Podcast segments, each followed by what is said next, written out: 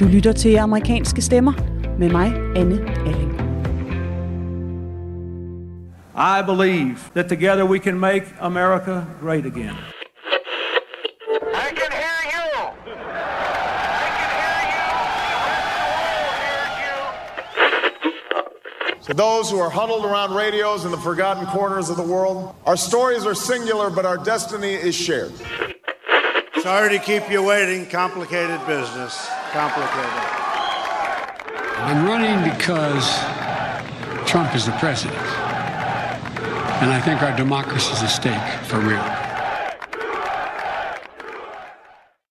We have breaking news right now on the presidential transition. We talked a little bit about it before with course. Now to that breaking news on the presidential transition. A key Trump administration official has just made it official. Hello again. I just got a text message from a transition official. They are in receipt of a letter of ascertainment from the GSA administrator, Emily Murphy. It signifies the GSA has now ascertained Biden won the election and Så kom they now have underskriften.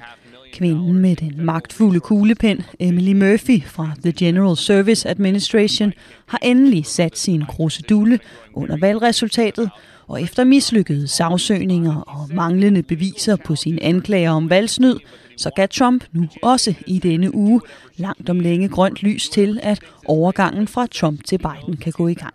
And good evening. After weeks of blocking the Biden transition, the Trump administration backed down late this afternoon and is now allowing it to begin. Udover Emily et manglende senatresultat, så synes valget nu officielt at være over, og efter nogle intense nyhedsmåneder, hvor alt i USA synes at have handlet om præsidentposten, så kan fokus nu rettes tilbage på landets ultimative udfordring. November, the worst month of the pandemic so far. Sunday. November 2020 marks a grim milestone for the U.S. More than 11 million infections and over 250,000 virus deaths. It is being compared to Pearl Harbor, D Day, and 9 11. Calls for the White House Coronavirus Task Force to start working with President elect Joe Biden.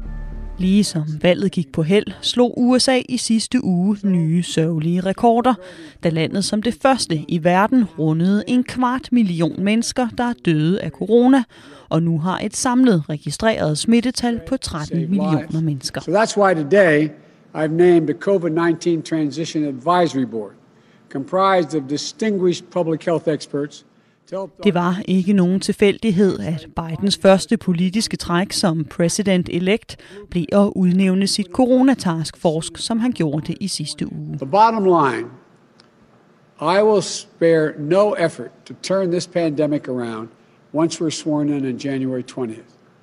To get our kids back to school safely, our businesses growing, and our economy running at full speed again.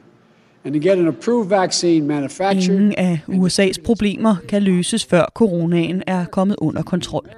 Efter et fald i smittespredningen hen over sommeren, ligesom det generelt skete i resten af verden, så fyldes USA's hospitaler nu op igen med coronapatienter. Tonight, a record shattering 76,000 more Americans are hospitalized. And one out of every five hospitals now says there just aren't enough doctors or nurses to keep fighting this daily onslaught of new cases. Her i There Nashville, der huser et af sydstaternes største og mest prestigefyldte hospitaler, er kapaciteten tæt på nået, og personalet gruer for, hvad der venter på den anden side af Thanksgiving.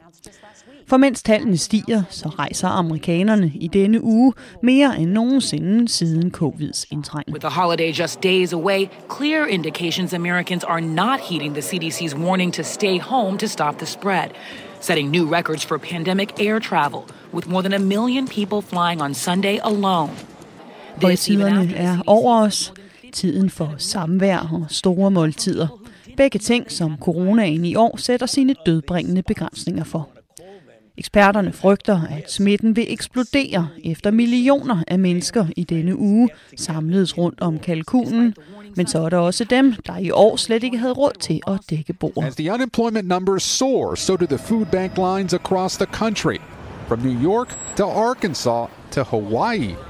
Anxiety up and down the food chain. I løbet af ugen er billederne af kilometer lange køer af amerikanere i madnød gået verden over. You need, you know, you have your bills piling up, you know, a lot of people out of work. You're uncertain about today or tomorrow. You're just living moment to moment at this I point. verdens rigeste land med verdens største skæld mellem rig og fattig, har flere og flere amerikanere i dag ikke råd til at købe mad, og mens politikerne ikke kan komme til enighed om, hvordan situationen skal kontrolleres, så må private organisationer og frivillige træde til med nødhjælp og opråb om offentlige løsninger.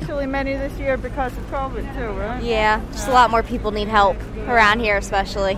So, Efter et nogenlunde overstået valg, så dykker vi i de næste udsendelser af amerikanske stemmer her på Radio 4 ned i konsekvenserne af coronaen i USA. Både økonomisk, socialt og helbredsmæssigt. I dag skal vi til maduddeling i Tennessee for at lære mere om både USA's fødevaresituation og den økonomiske krise, der tvinger amerikanerne til at sidde i kø for at få mad på Thanksgiving-bordet. Og så skal vi møde en sygeplejerske, der i disse dage oplever den enorme smittestigning på tætteste hold. Mit navn er Anne Alling. Tak fordi du er tunet ind på kanalen eller lytter med på podcast. Velkommen til. A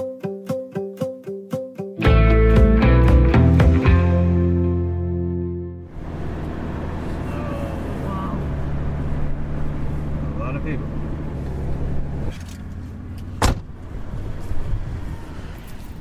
Jeg er lige ankommet til en maduddeling, øhm, som er på sådan en kæmpe parkeringsplads ved en skole øh, i Tennessee. Og her er proppet med biler. 100, 100, hundredvis af biler. Og så en masse mennesker, der står klar med indkøbsvogne fyldt med mad, som de fylder i øh, folks bagagerum. I verdens rigeste land holder folk i kilometer lange køer for at få uddelt gratis mad. Også her i Franklin, Tennessee, hvor jeg var i weekenden, den syvende rigeste kommune i hele landet. How you doing? Good. You got to park for me? Okay. They're gonna give you some hot dogs. What I need you to do, just stay here till I get everyone behind you loaded up, okay? And then I'll direct you out once everybody's complete. Forrest i køen bliver der givet hotdogs i sølvpapir ind gennem bilruderne, mens der bliver gjort klar til at fylde varer i, i bagagerummet. Dagens maduddeling her i Franklin er organiseret af NGO'en One Gen Away, som er ledet af Chris Whitney. Hi. Do you know where the organizers is? I'm looking for Chris Whitney. Chris Whitney. Hold on a second. Let me see if I can. Oh, there's so many people, huh? Probably over there in the booth. Did you look at the Yes, booth over because there? That one can someone tell me Oh, where no, I Chris is? didn't. Go to that tent. They'll know. The tent? Okay. Yeah, they'll know. Hi, Chris. Hey, Hi, how are good you? to meet you. How are you doing? I'm doing well. How are you? Good. This is uh, this is incredible, huh? Yeah, it's amazing, isn't it? Yeah. Yeah, we're doing one in Alabama right now too. It's amazing what offering turkeys does. Yeah. And so, because we're giving turkeys, so they're taking them out of the back of our refrigerated truck right now. Turkeys Okay. on top of so. So we've got enough for 400 families today. So uh, there's 400 turkeys, and we've got all these apples and limes and fresh tomatoes and chocolate milk and regular milk. Her er øh, rækken af indkøbsvogne. Øhm, så alle de frivillige de har en indkøbsvogn hver, så først så får de fyldt pasta i. Så kører de lidt længere ned, så får de fyldt limes, og så får de en pose salat, poser med æbler. So do you keep going till the cart is full here, or? yeah, just finish the line and then loop around so they can put it in the cars. Ah, okay. Have you been doing this before? I'm not. This is my first time. Oh, really? Yeah. How did? Why did you decide to come out here? I've helped at multiple food banks, and Uh-huh. um, this is the first time I've known that they've come here. They probably come here a lot, but I'd never heard about it, so just wanted to help out. Kathy her er studerende på skolen, hvis parkeringsplads One Gen har lånt til dagens uddeling. Hun er en af oceaner af frivillige på pladsen, der hjælper med at fylde først indkøbsvogne og derefter folks bagagerum med mad, som bilerne guides gennem det nøje organiserede system. And I'm hearing people say, uh, especially many this year because of COVID too, right? Yeah, just a lot more people need help around here, especially. Place like this where um, everything is so high priced Yeah. um, that when you hit dips like COVID, that it, it's just going to spike everything more. Yeah. Fattigdom og mangel på mad på samfundets bund er ikke noget nyt i USA, men med coronaens invasion af landet er behovet og efterspørgselen eksploderet. Og det vil efter Cathys erfaring blive ved med at være stort, ikke mindst her i et område som Franklin, hvor leveomkostningerne er skyhøje. We're like the seventh wealthiest county in the United States of America, which is kind of ironic, but we have a lot of pockets of low income families, so Selvom området her er kendt for deres rigdom, er der lommer af fattigdom, og på flere af områdets skoler er halvdelen af eleverne på særlige frokostordninger, fordi deres forældre ikke har råd til at give dem madpakke med. Oh,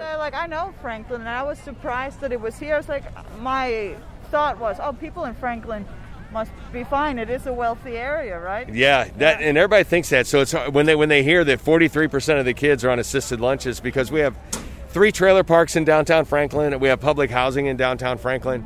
And so uh, the need is here, it's just kind of hidden, you know what I mean?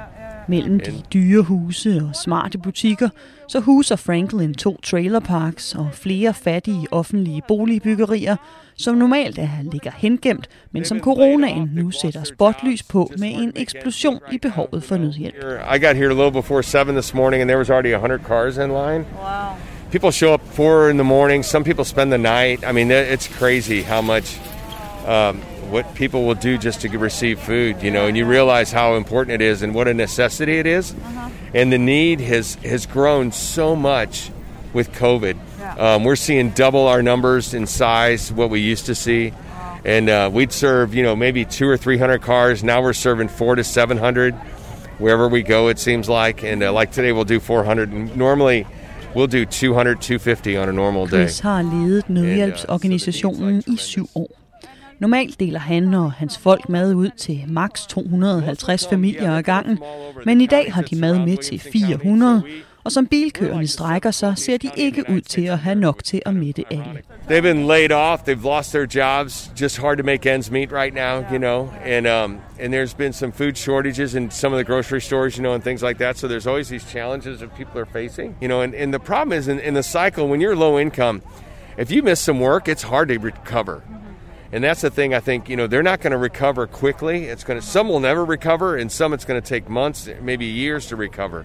And so Chris hører historierne igen og igen om amerikanere, der allerede befandt sig i de nedre dele af samfundet, og for hvem bare et par uger eller måneder mistet arbejde er katastrofalt.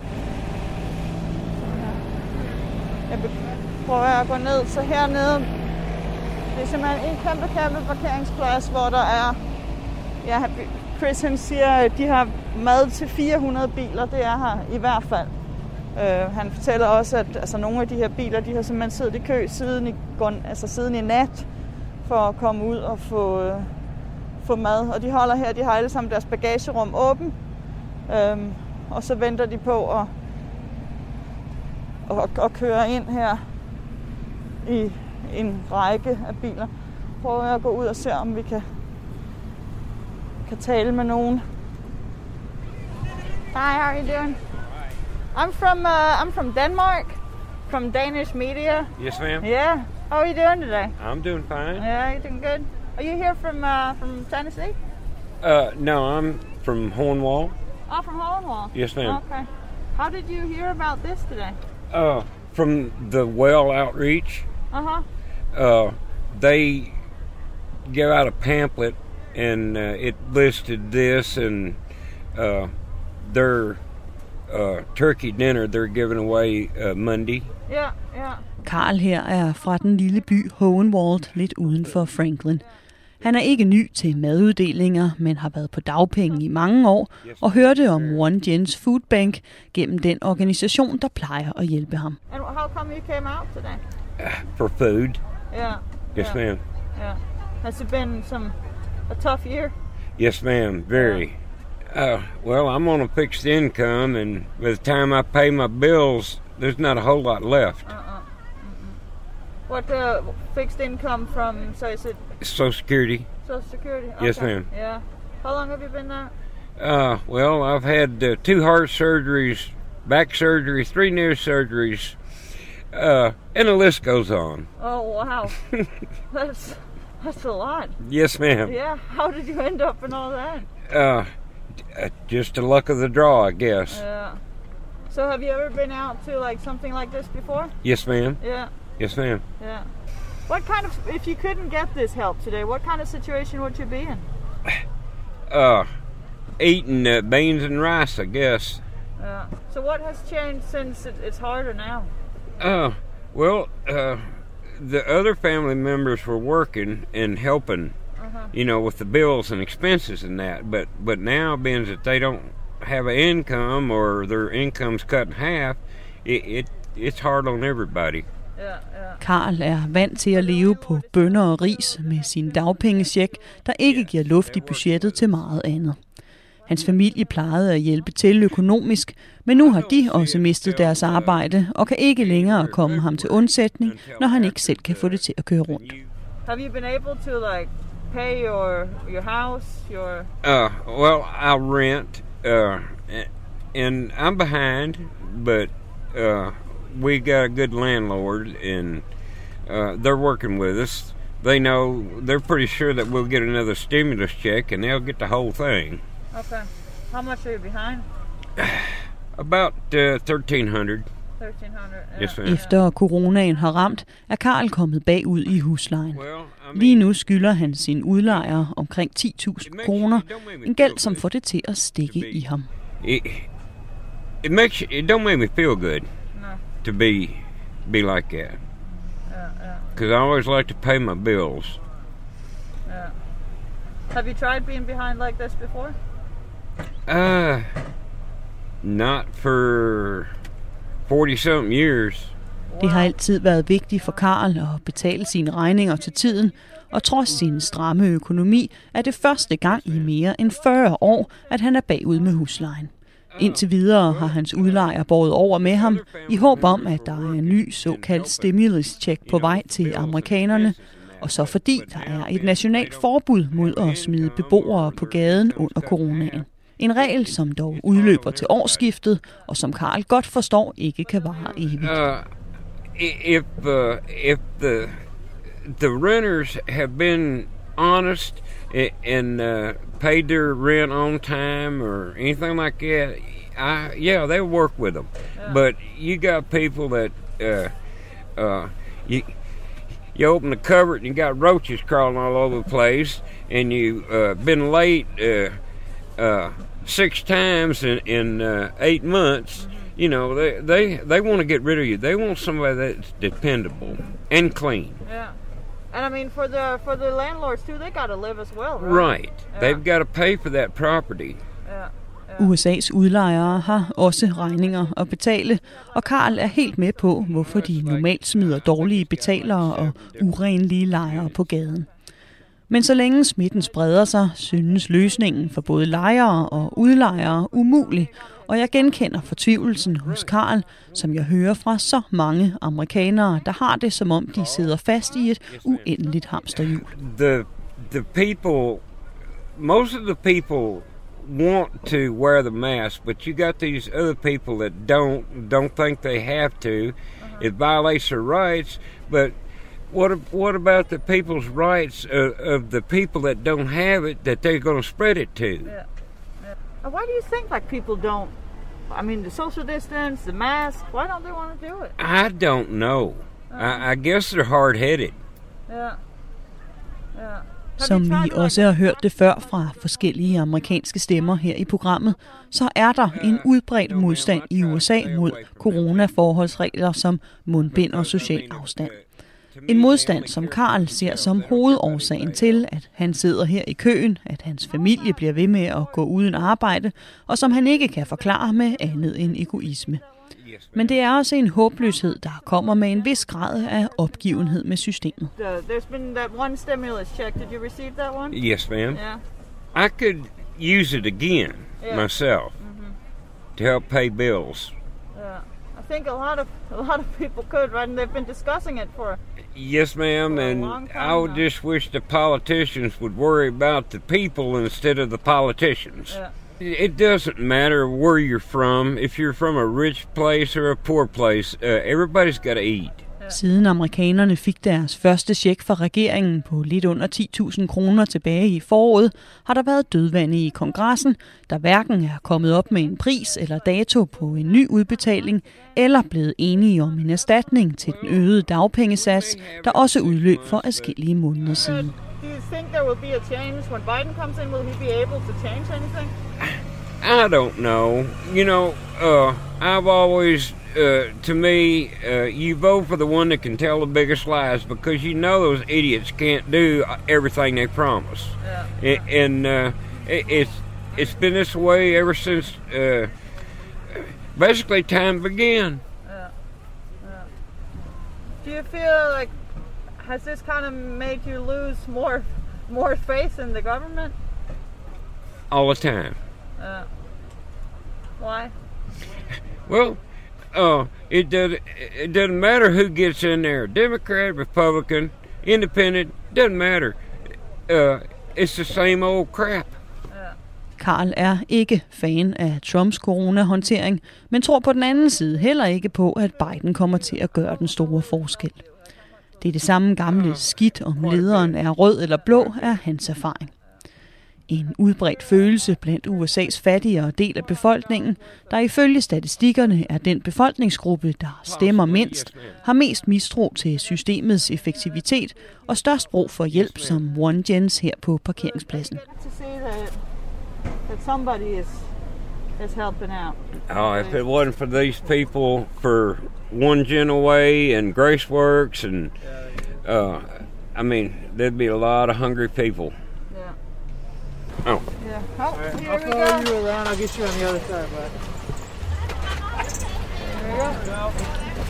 Efter små tre timer i kø bliver det Karls tur til at køre frem i første række og hen mod indkøbsvognene. Længere tilbage i køen holder Lisa stadig og venter. Hi. Why did you come out here today? Um, to get um food and uh, turkey Yeah, for the yeah. family. Lisa er 35 år og mor til tre. I modsætning til Karl, så arbejder hun normalt fuldtid og har aldrig siddet i madkø som denne her før, men hun blev fyret fra sit fabriksjob i marts, da coronaen ramte. Um, because of the coronavirus, I got laid off from my job. Yeah. stuff. Yeah. When were you laid off? Um, back in March. Wow. I finally got um my unemployment started. It took a minute. Lisa søgte om dagpenge, efter hun blev fyret. Som resten af landet, så havde Tennessee indført et ekstra tilskud på 3.000 kroner til de normale 1.500 kroner, man som arbejdsløs kan få udbetalt om ugen. Men ligesom det er sket for millioner af amerikanere, tog det måneder før tjekken begyndte at komme, og i sidste uge udløb tillægget nationalt, så Lisa nu er tilbage på de 1.500, altså 6.000 kroner om måneden, som på ingen måde er nok til at leve for, slet ikke med tre børn. Yeah. Are your are your kids usually excited about Thanksgiving? Yes. but I've had a lot of um death in the family, so well one is from COVID, but the other one is um just health Yeah. and sickness. Oh, I'm sorry to hear that. Thank you. Yeah. It's your your close family? Mhm. Yeah. yeah. It sounds like it's been a tough year, huh? Yeah, it's been very tough. So Yeah. hopefully this Thanksgiving I can just be a family thing. Yeah. Just the media family. yeah. Are you getting people together? well, now because I don't want my family to catch the COVID, and I don't want, you know, nobody to bring it to my family because once you're gone, there's no coming back. Lisa har i løbet af året mistet flere tætte familiemedlemmer til både corona og andre sygdomme, og hun holder vinduet godt rullet op, mens vi taler sammen. Hun er, som jeg oplever det fra de fleste i bilerne her på pladsen, bange for virussen i en anden grad, end jeg normalt ser og hører hos amerikanerne. Her er ikke råd til lægebesøg, og selvom Lisas børn elsker Thanksgiving, så bliver det til en lille forsamling i år, dog med kalkun, som Chris og hans folk stadig deler ud oppe ved indkøbsvognene. Are you surprised to see like something like this happening in America? You know, I was at one time, but now I'm not shocked at all. You know, you think about one in eight of the general population, one in six kids don't know where their next meal's coming from. So um, I think for Americans, it's it's a shame there's a stigma on hunger.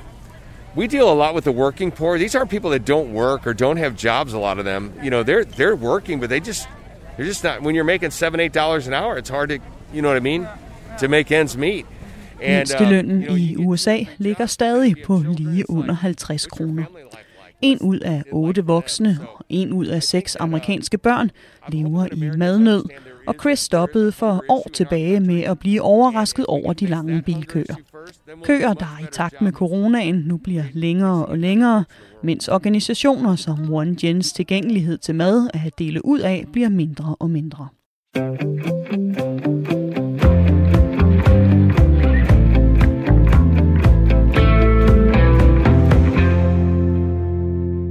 Du lytter til amerikanske stemmer, hvor vi i dag er til maduddeling i Tennessee. This is incredible. There's like, this row, that row, this row. So well organized. Yeah, and this whole thing was was full when we got here. Really? Yeah. And they were uh, lined all the way down the, the highway Yeah. to the traffic light, and then all the way back up uh, about a quarter of a mile up the other road. Parkeringspladsen her foran en af de største skoler i området er proppet med biler, der har ventet i timevis og nogen hele natten for at få mad i bagagerummet. Og ude på vejen fortsætter køen ned ad flere gader og gennem diverse lyskryds. Her er en øh, stor lastbil, kølecontainer, øh, hvor der bliver, den er fyldt med kalkuner, og her er det øh, lokale baseballhold, som, øh, som deler kal- frosne kalkuner ud til, øh, til folk. Hi guys, you got turkeys in here? I'm from uh, I'm from Danish media from Denmark. Can I ask you guys why you're doing this today? to help the less fortunate. Yeah. Yes, ma'am. Have you are you usually doing it We do it every year. every year? Have you seen this many cars before? No, I have not. No. This is a lot of cars. It is right. Why do you think there are so many people here? Because this year, uh, with Corona, everybody needs a little bit more. You know, not, not, not everybody's making enough money right now. Yeah, yeah. So, yeah. This is you know how many turkeys you got in here? 400. 400? Roughly 400, yes. Wow. 400 to 450. Yeah, something like that. It's roughly Yeah. around 400. Yeah, yeah. Yeah, that's uh, that's incredible. Come Uh, oh, you're behind in work. We got a call mid-interview. So every car gets a turkey, huh? Yeah, we fill the cart up, and then the cart, they go through with a line, and they give a cart per car that drives through.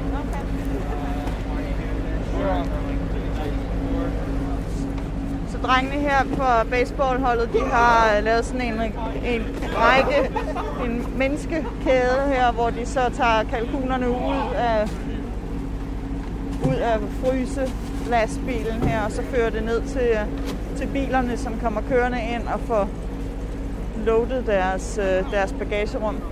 De velfriserede drenge her er alle sammen iklædt pæne, rene baseballuniformer og dyre sneaks, og skiftevis loader kalkuner og scroller på deres iPhones.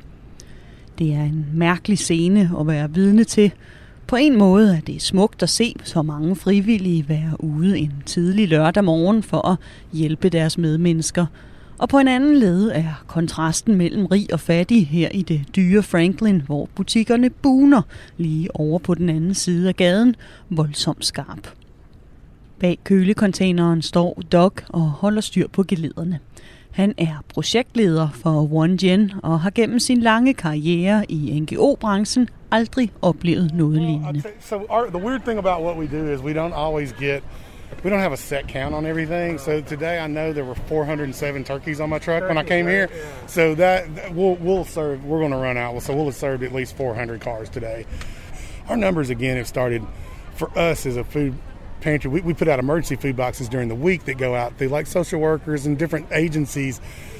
And prior to COVID, we were at about 40 a week. And then at the peak of COVID, we were up doing almost 700 a week. And then we kind of ratcheted back down But this week, I think we put out 350 something boxes this week.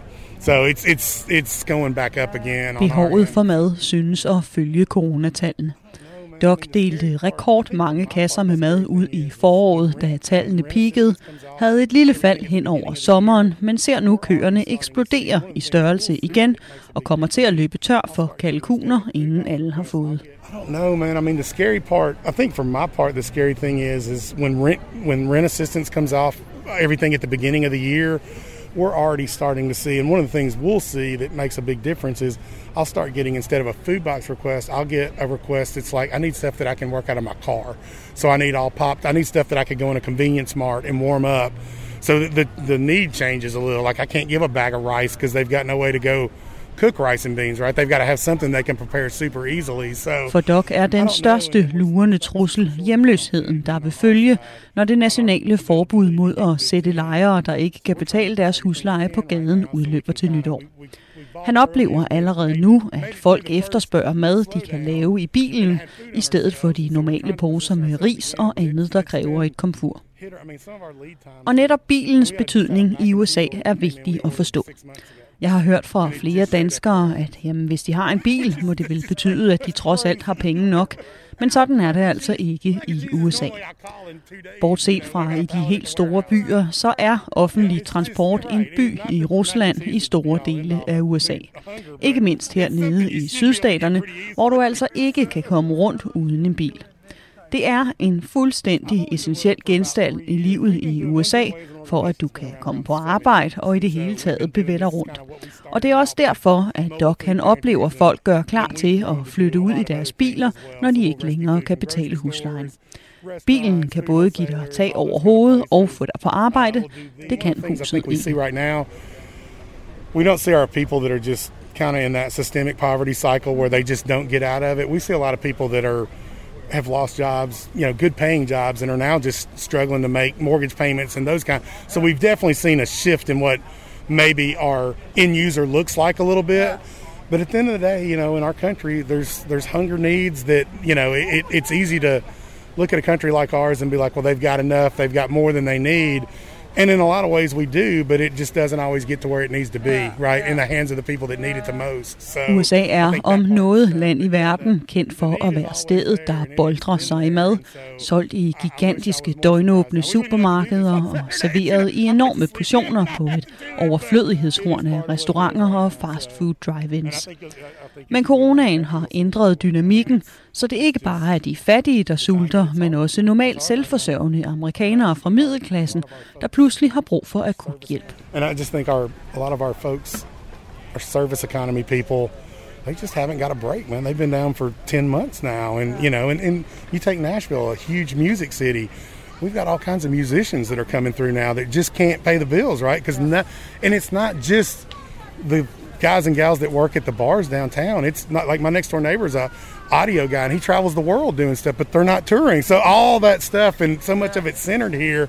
Again, it, we've seen some segments of population we've just not seen in before. So that that has definitely been new throughout COVID. So Nashville er kendt som Music City og fyldt med gig-arbejdere, som de kaldes.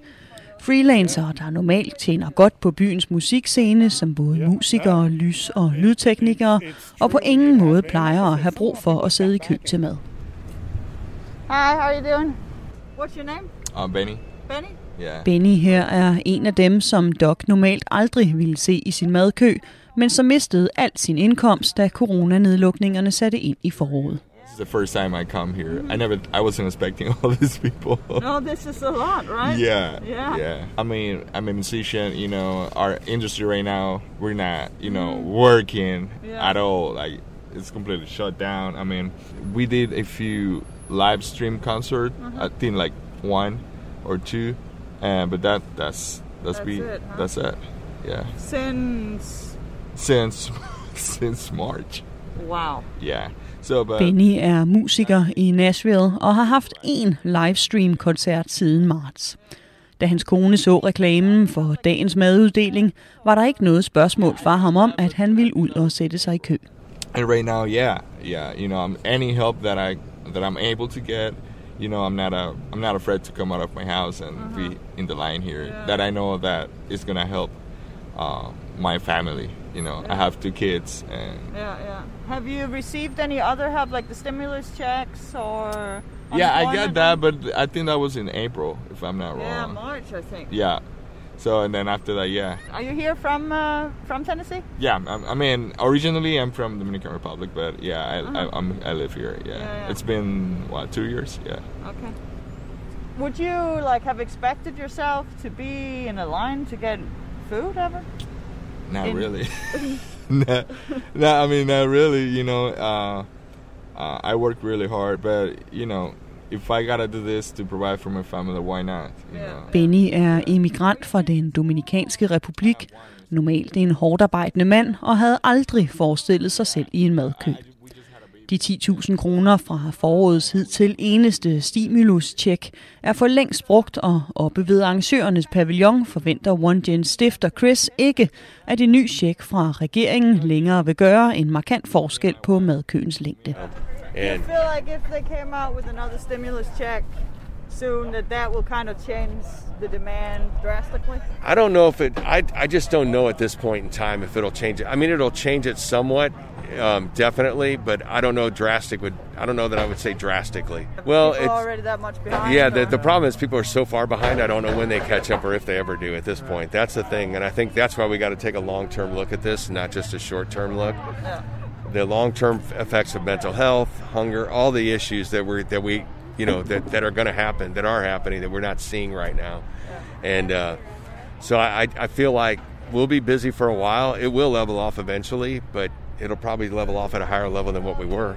You know what I mean? Before pre-COVID. Med snart et års delvis nedlukning er så mange amerikanere så langt bagud i regningerne, at Chris ikke ser en check på 10.000 kroner være tilstrækkelig til at få folk ordentligt tilbage på fod igen.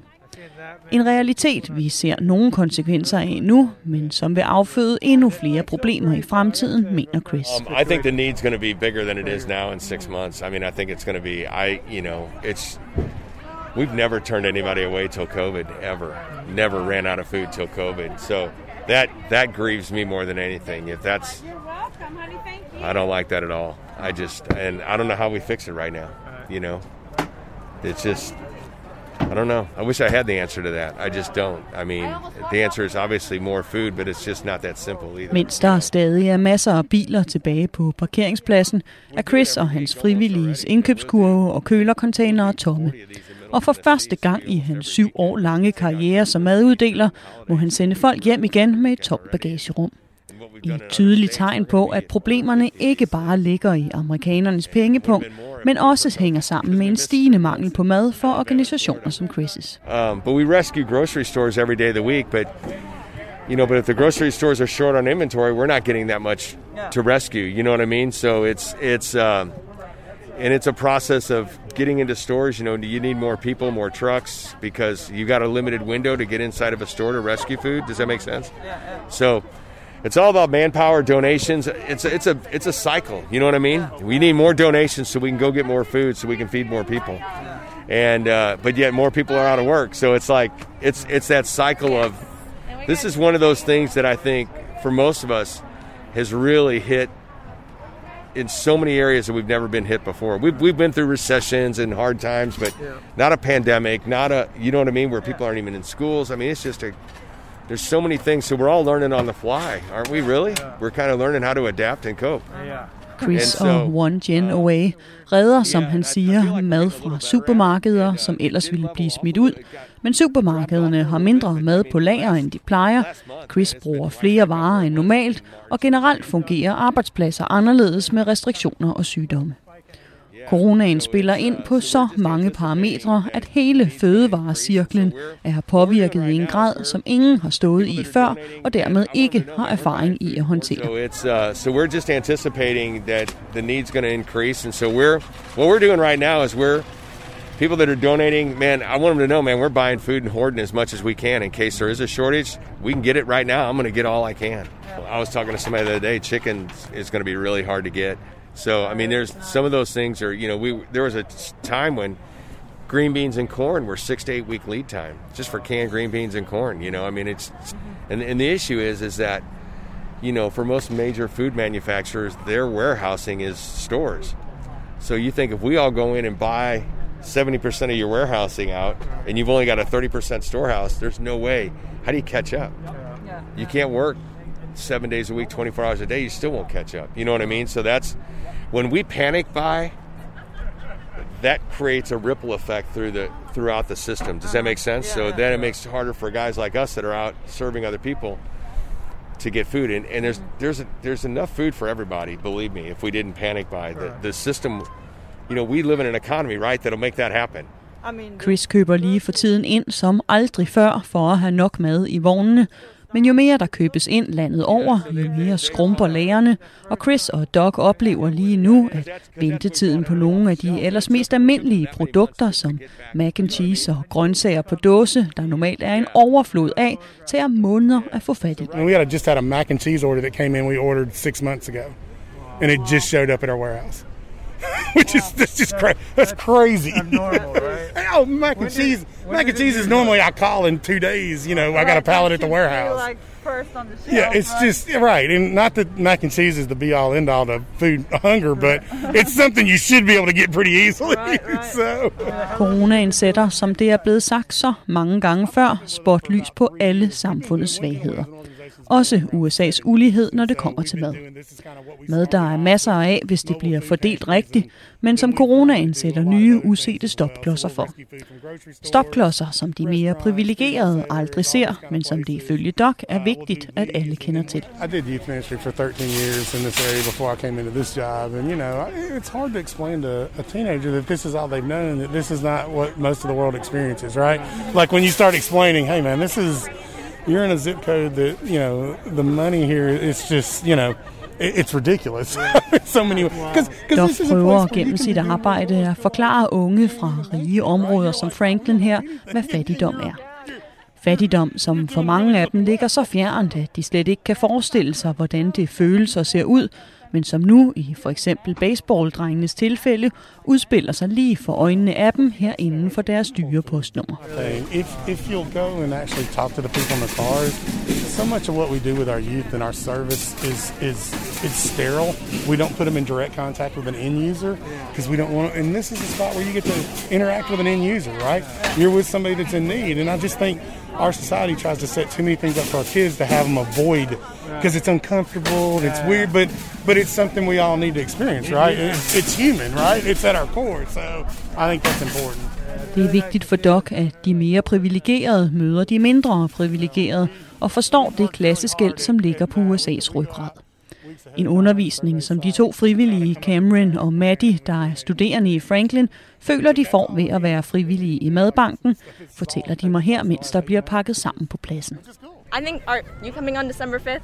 Yeah, I come pretty much every week that I can. I'm here most weekends, and Yeah. same I- with her. Yeah, we try to we're volunteer fanatics. It's not Yeah. it's not like a like a we're so good or anything, but it's just it's just nice to get out and help when you can, when you have free time. And you never know one of I work with another organization. It's a nonprofit called Jumbled Dreams and we do a lot with like homeless work and from talking to them it could be anyone. Like we've talked to people that have their master's degree and yet they ended up homeless because you know anyone can lose their job. It can happen to anyone. So I think I, I don't know. I think if we all had a little more empathy, obviously maybe we wouldn't have as many cars in line. So yeah. Cameron og Maddie har været frivillige ved madbanker længe og fortsætter weekenden efter. Arbejde organiseret af private organisationer, som sætter deres liv i perspektiv, fortæller de, som millioner af amerikanere afhænger af, fordi de offentlige midler på ingen måde rækker, og som ifølge Doc og Chris' erfaring vil fortsætte længe endnu.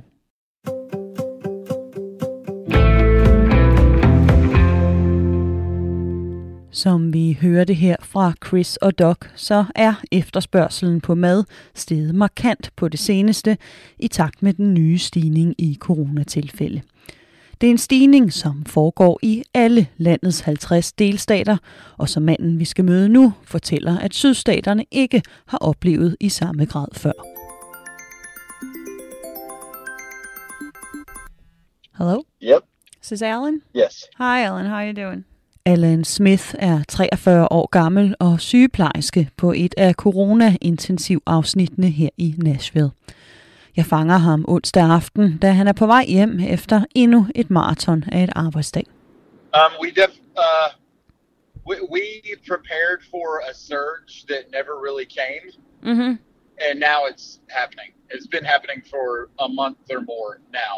The hospitals are now like fully slammed, Yeah. like we like we expected in May. Da store byer som især New York blev ramt hårdt i foråret, slap Syd- og Midtvesten billigere end ventet, og i lang tid troede mange, at de mere landlige steder helt ville undgå en eksplosion i smitten.